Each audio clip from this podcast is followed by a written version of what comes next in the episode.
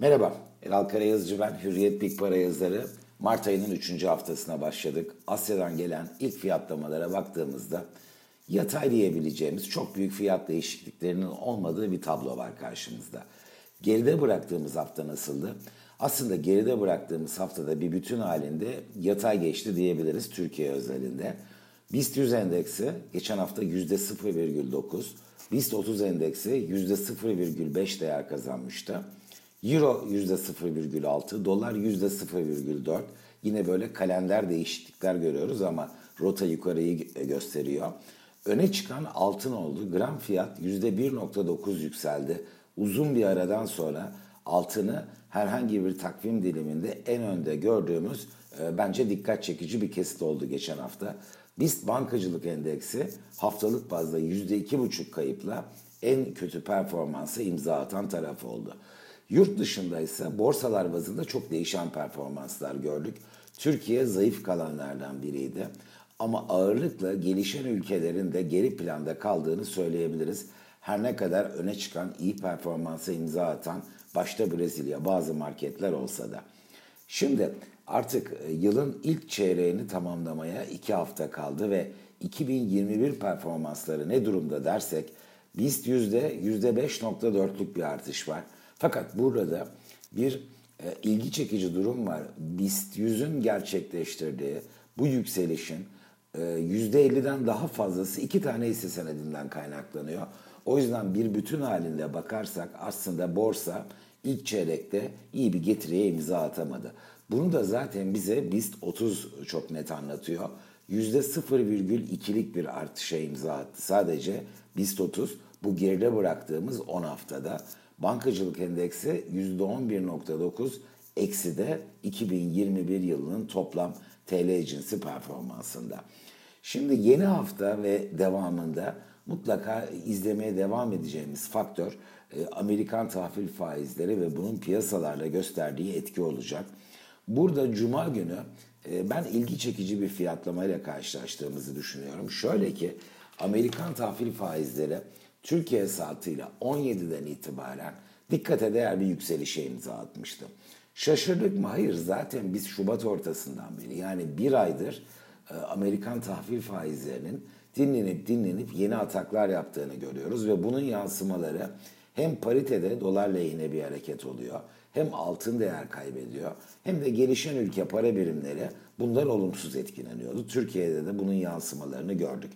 Fakat cuma günü o saat 17'den yine Türkiye saatiyle 23.59'a kadar olan bölümde Amerikan tahvil faizi 1.59.30'dan 1.62.30'a doğru yükselirken ki fena bir hareket değil 3 pips ama daha önemlisi o 1.61 olan iki kez test edilen faizdeki zirve seviyenin aşılmış olması. İşte bu hareket gerçekleşirken normalde ne beklersiniz? Yine paritenin dolar lehine kuvvetlenmesine, altının zayıflamasına ve gelişen ülke paralarının değer kaybetmesine. Fakat böyle olmadı. Euro dolar paritesi eş zamanlı olarak Amerikan faizleri yükselirken 1.19.30'dan 1.19.60'a çıktı. Çok büyük bir hareket değil, binde iki kadar bir yükseliş. Fakat normalde düşmesini beklerken bir finansal varlığın, varlığın yukarıya gitmesi ilgi çekici. Altın %1.1 prim yaptı. 1705 dolardan bu bölümde saat 17 ile 23.59 arasında faiz yükselirken altın da yükseldi ve 1723 dolara çıktı. Dolar TL orada pariteyle bağlantılı binde ikilik bir geri çekilme gördük. 7.58.30'dan 7.56.64'e. Evet büyük bir fiyat değişimi değil. Fakat bence Cuma günü Amerika işlemlerinde gördüğümüz bu dirayet alternatif piyasalarda Amerikan tahvil faizinin etkinliğinin önümüzdeki haftalarda gerileyebileceği yönünde bir bence sinyal üretti.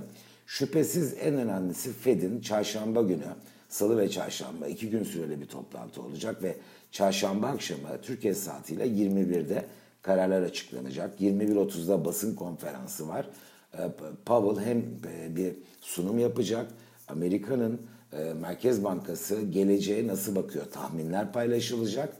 İşte burada verilecek sinyaller elbette önemli ve ben geçen hafta da aktardığım üzere e, Fed'in bu toplantıda şahin bir tavır alacağını zannetmiyorum.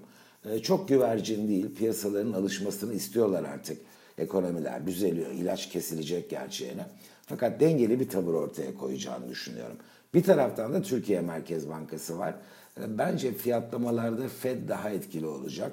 Ama Türkiye Merkez Bankası ne yapar, ne karar alır, ne anlatır dersek mutlaka şahin tavır korunacak. Bir faiz arttırımı da olacak mı? Olursa şüphesiz bu Türk varlıkları ve Türk lirası adına destekleyici olur. Ancak Merkez Bankası bu toplantıda faizlerde bir değişiklik yapmazsa ben çok majör bir değişikliğin de e, karşımızda olmayacağını düşünüyorum. Elbette o günün şartları, dış piyasa iklimi bu konuda daha sağlıklı yorumlar yapmamızı beraberinde getirecek. Bir bütün halinde toparlarsak aslında Mart ayı e, ılımlı bir şekilde devam ediyor ve önümüzdeki haftalarda e, bu seyrin negatif yönde bir değişikliğe sahne olması için ben çok fazla bir gerekçe görmüyorum. Türkiye gibi geride kalan, işte benim en çok dikkatimi çekenler Filipinler, Peru oldu.